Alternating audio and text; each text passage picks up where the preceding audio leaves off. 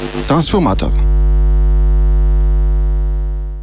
Witam w kolejnym odcinku Transformatora. Przed mikrofonem kłania się Konrad Rychlewski. Głównym tematem dzisiejszego odcinka będzie wpływ katastrofy klimatycznej na naszą codzienną pogodę. Ale zanim o tym, przechodzimy do serwisu informacyjnego.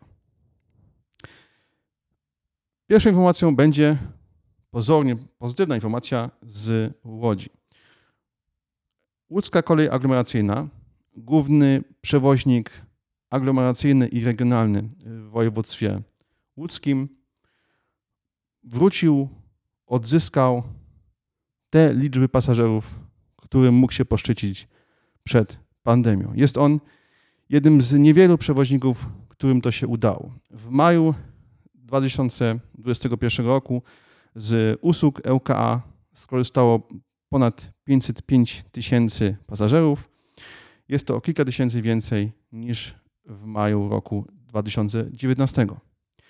Oczywiście jest to też dużo więcej, ponad 10% więcej niż w maju rok temu, ale wtedy już mieliśmy do czynienia z okresem pandemii i z wszelkimi towarzyszącymi mu obostrzeniami.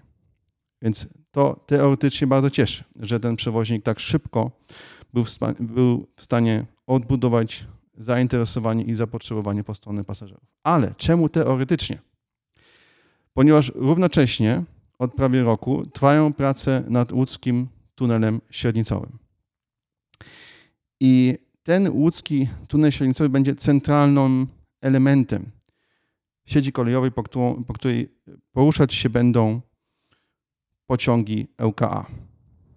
Cała sieć kolejowa, po której jeżdżą pociągi LKA, dostosowana jest do pociągów o długości do 200 metrów. Po prostu takie są e, perony przy liniach, po których poruszają się pociągi LKA. Jedynym elementem, w którym nie będzie to zagwarantowane, to będzie właśnie ten tunel średnicowy. Ten tunel średnicowy będzie miał e, długość około, e, około mm, no, trochę powyżej 4 km, z tym, że będą też odnogi, więc łącznie tam tuneli powstanie, powstanie do, do 6 km. I teraz w ramach tego tunelu powstaną trzy przystanki. Wszystkie z tych trzech przystanków będą, będą miały perony o długości 155 metrów, czyli mniej niż 200. A pociągi LKA mogą mieć maksymalnie 192 metry, jak chodzi o jednostki typu Stadler Flirt 3 lub 195 metrów, jak mówimy o jednostkach typu Nevak Impulse. I właśnie tam, gdzie natężenie ruchu będzie największe, gdzie zapotrzebowanie ze strony pasażerów będzie największe, tworzymy sobie wąskie gardło, które zmusi przewoźnika do tego, żeby zrezygnował z jednej trzeciej przepustowości swoich e, pociągów, z jednej trzeciej pojemności swoich pociągów. Po prostu zamiast zastosować trzy jednostki połączone w jeden pociąg, będzie mógł zastosować tylko dwie jednostki, ponieważ trzy jednostki nie zmieszczą mu się przy tych podziemnych peronach.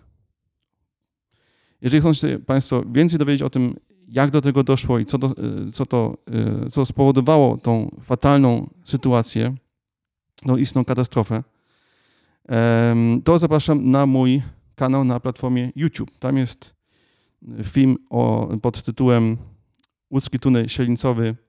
Świetny pomysł, ale fatalny projekt. I tam dość zwięźle i krótko wyjaśniam, jak do tego doszło i e, pokazuję, że niezwłocznie trzeba będzie podjąć wysiłki, żeby to naprawić, nawet jeżeli e, będzie to związane z e, dodatkowymi utrudnieniami i z dodatkowymi wydatkami.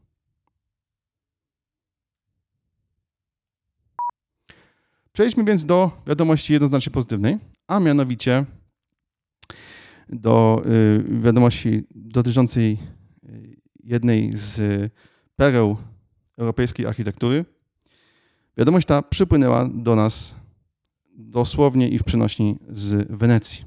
Otóż rząd Włoch zdecydował się, że od 1 sierpnia duże wycieczkowce nie będą mogły już wpływać do zatoki, do y, centrum Starego Miasta Wenecji.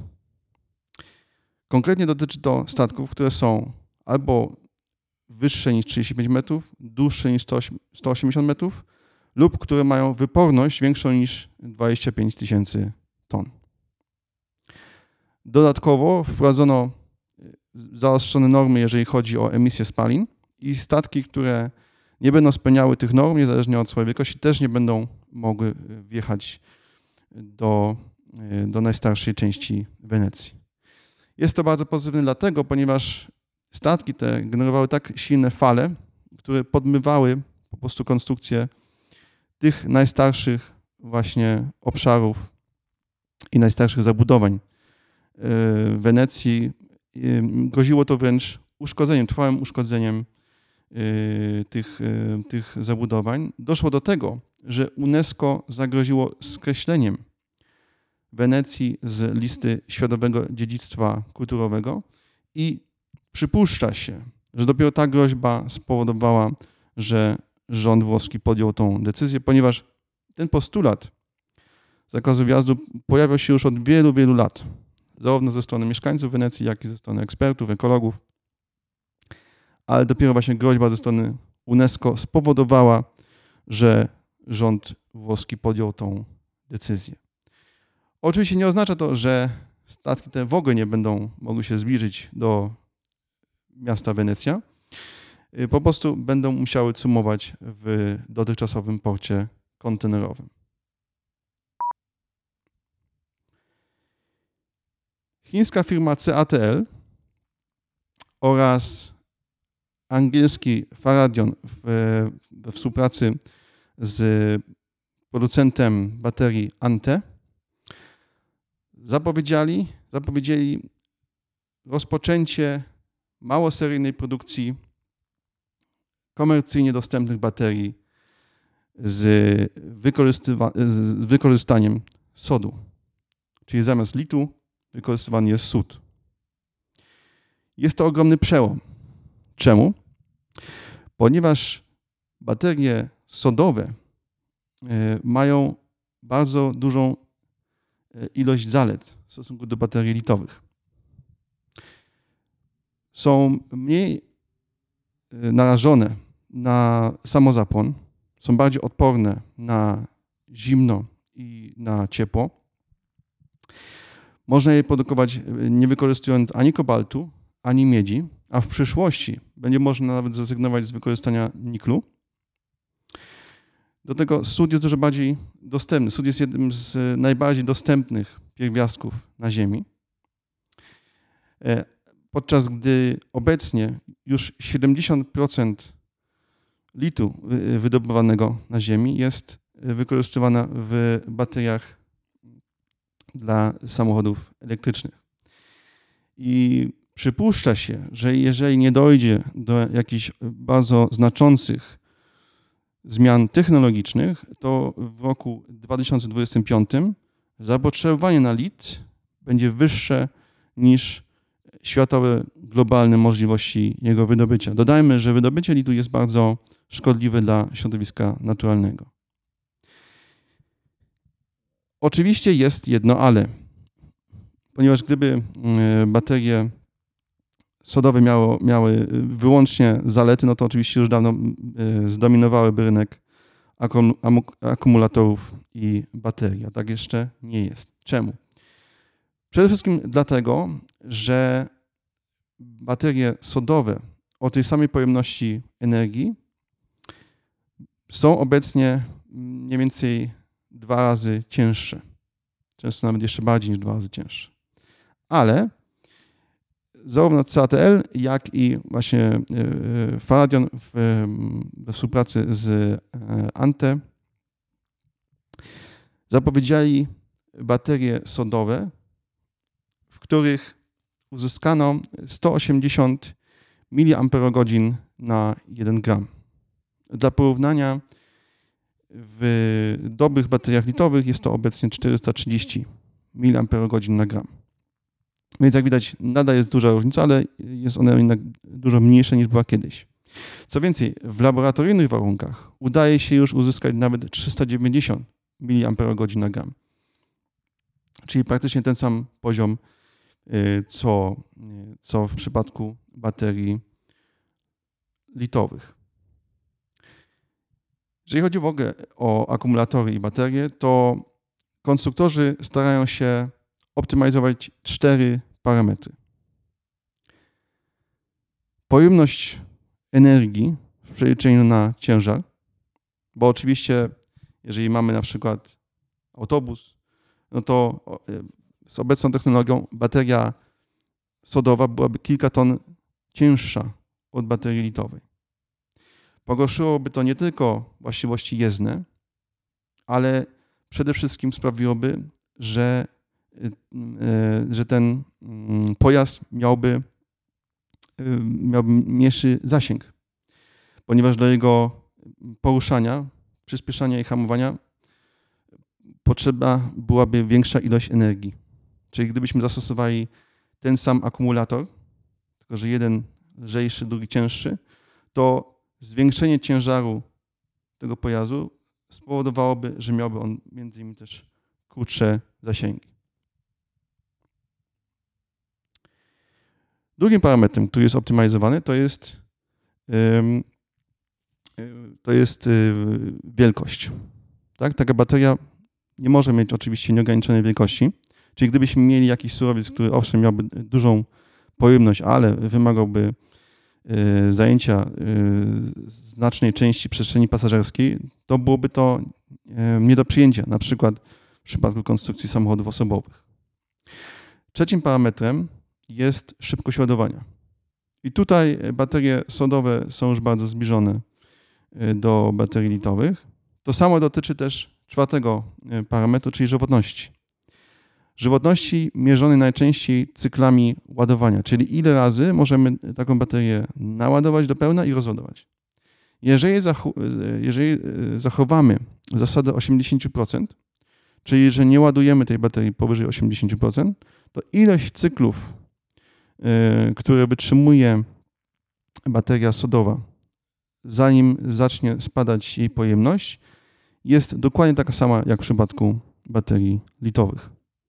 Czyli to jest około 3000 cyklów ładowania. Jest to moim zdaniem najlepszy kierunek, jeżeli chodzi o mm, technologie bateryjne. Obecnie w baterie sodowe nadal nie inwestuje się tak dużych pieniędzy, jeżeli chodzi o badania i rozwój, jak w baterie litowe. Więc jest to jeszcze dziedzina, dziedzina, y, w której można się włączyć w ten ogólnoświatowy wyścig technologiczny. Ale oczywiście każdy dzień, każdy miesiąc zwłoki na przykład polskiemu podmiotowi, podmiotowi, który chciałby się włączyć do tego wyścigu, mógłby to utrudniać. Tak? Czyli tu czas bardzo się po prostu liczy.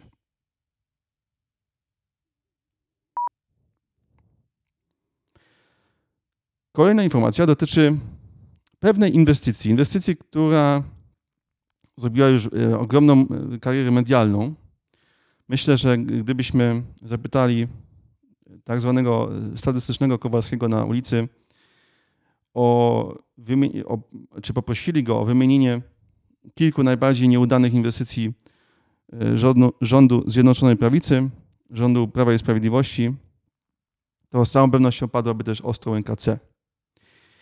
Czyli ten e, słynny, e, niepotrzebny, przeskalowany, chybiony blok węglowy, który miał powstać obok już istniejących bloków w Ostrołęce.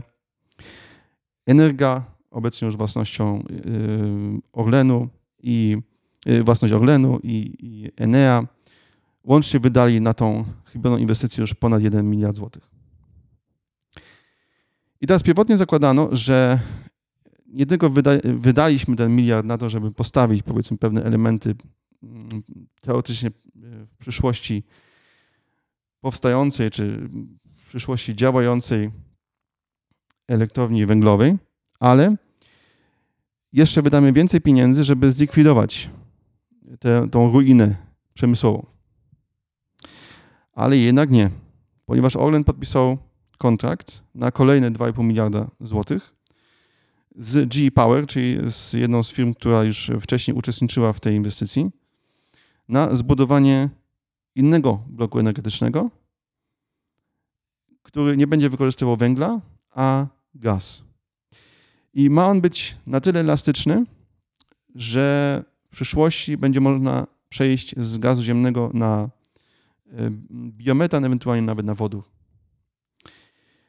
Ten blok będzie trochę mniej e, e, wydajny, powiedzmy, czy, czy mniej, będzie miał konkretnie mniejszą moc niż pierwotnie planowany. Pierwotnie ten ostrońka C węglowa miała mieć około 1 gigawata. Ten blok będzie miał 0,74 gigawata, czy też 745 megawatów mocy. Ma on ruszyć do roku 2025. Trudno jednoznacznie ocenić, czy zmiana tej technologii jest sensowna. Z całą pewnością w początkowej fazie rozwoju energetyki odnawialnej energetyki rozproszonej, elektrownie bilansujące, elektrownie mogące dynamicznie i szybko reagować na y, różnice w popycie i w podaży mm, e, e, energii elektrycznej, a do najbardziej elastycznych elektrowni należą elektrownie gazowe.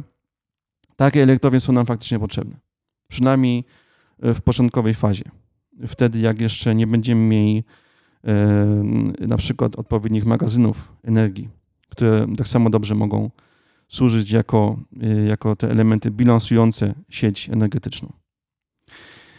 Więc z całą pewnością, e, jeżeli już w ogóle w Ostrołęce, to na pewno gaz i jeżeli już w ogóle gaz, to taka instalacja, która w przyszłości będzie można, która w przyszłości będzie mogła przejść na inne paliwa. Natomiast niezależnie od tego, co tam powstanie, to zawsze to będzie droższe co najmniej o ten miliard, który został, e, który został wyrzucony dosłownie w błoto. Przez to, że, że pierwotnie to było projektowane pod węgiel.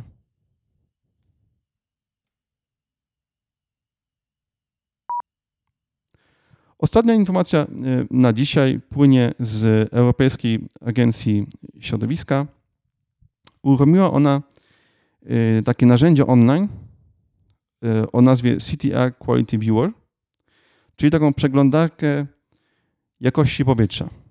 Niestety jeszcze nie jest to y, przeglądarka danych bieżących, ale można sobie przynajmniej zobaczyć, a konkretnie dotyczy to 321 miast powyżej 50 tysięcy mieszkańców w całej Unii Europejskiej, jaka była jakość powietrza w latach 2019-2020.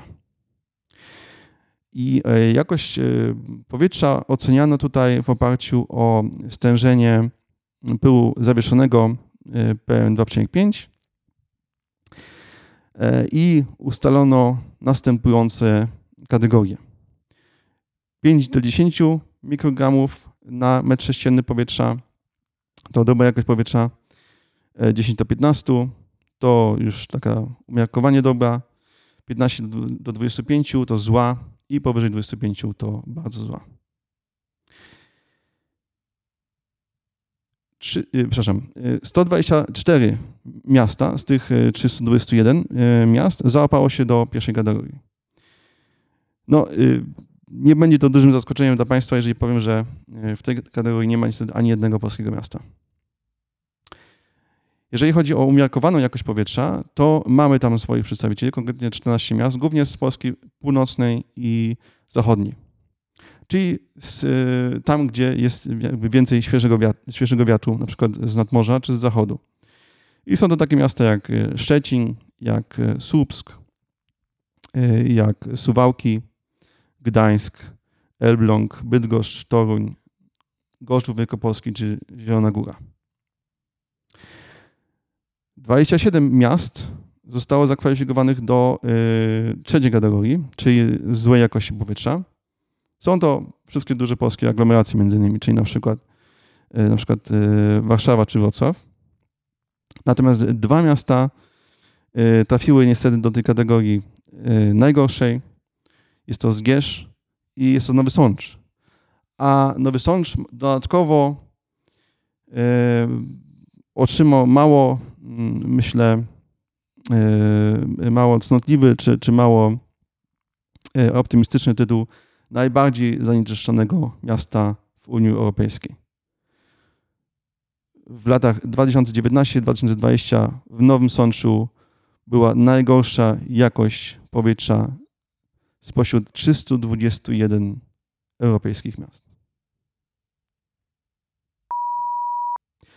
Przechodzimy więc do głównego tematu dzisiejszego odcinka, a mianowicie jak to się dzieje, że katastrofa klimatyczna wpływa już dzisiaj na naszą codzienną pogodę.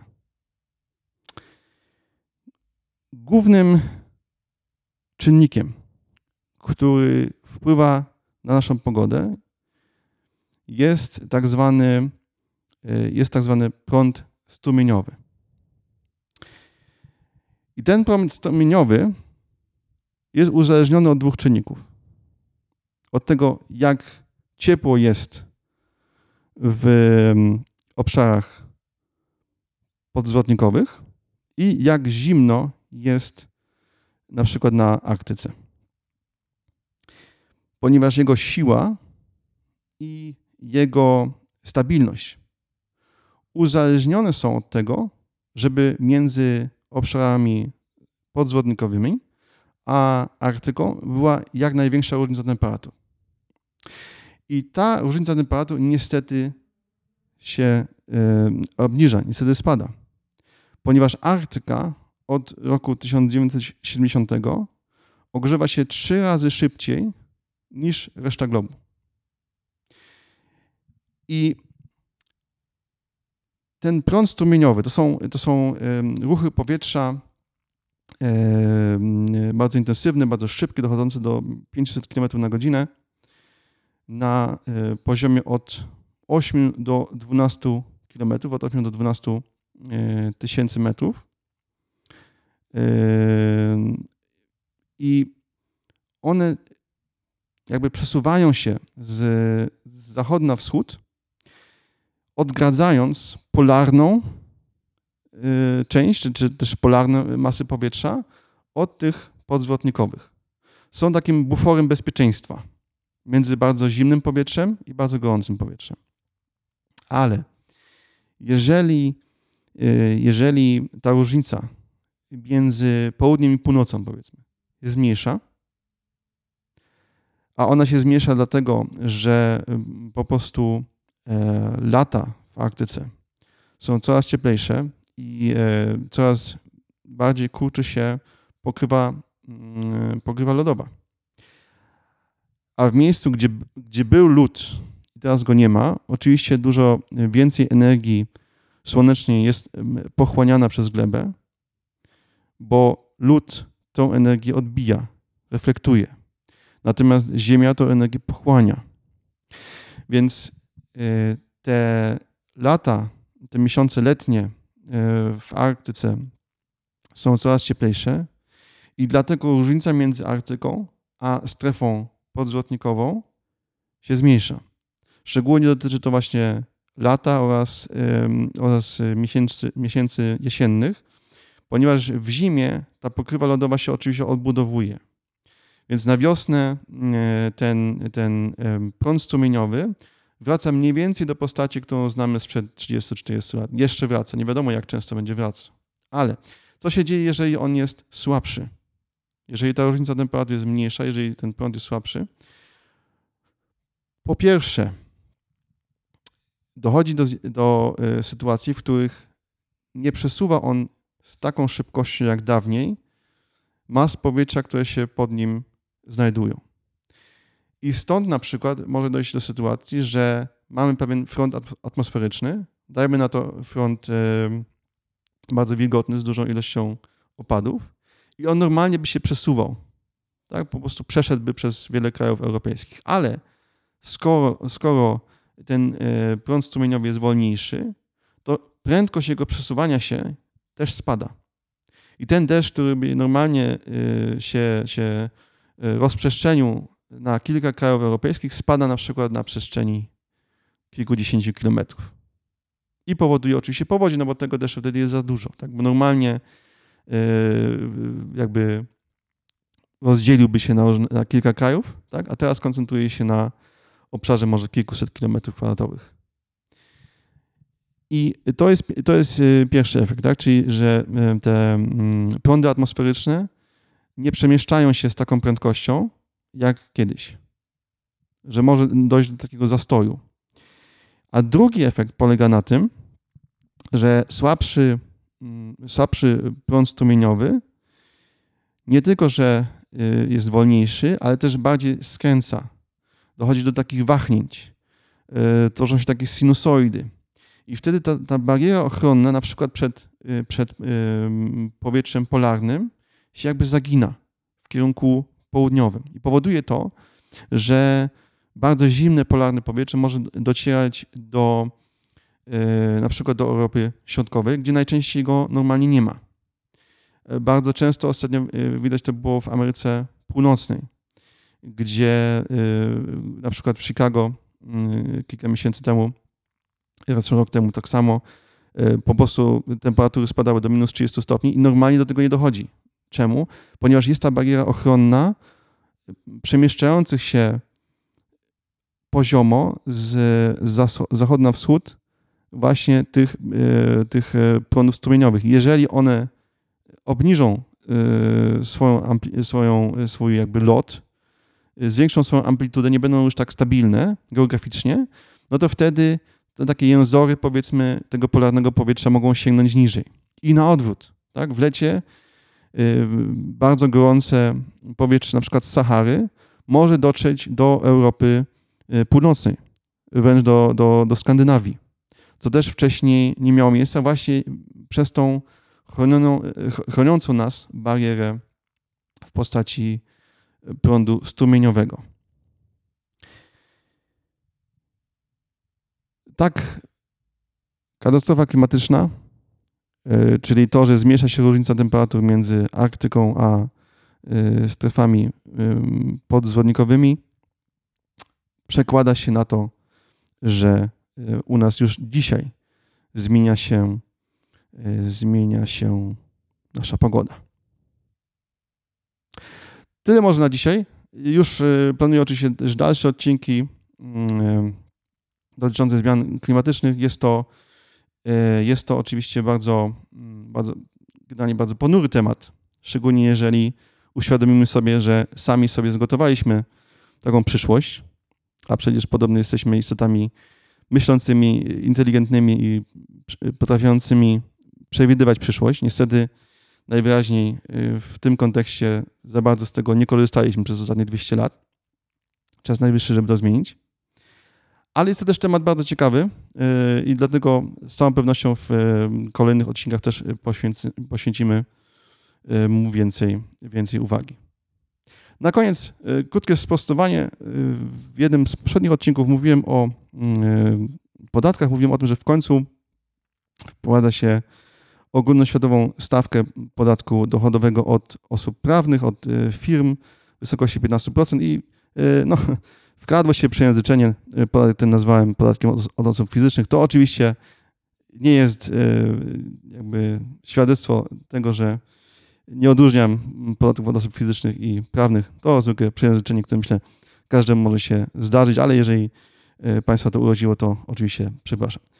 Na dzisiaj dziękuję za uwagę i do usłyszenia w kolejnych odcinkach Transformatora.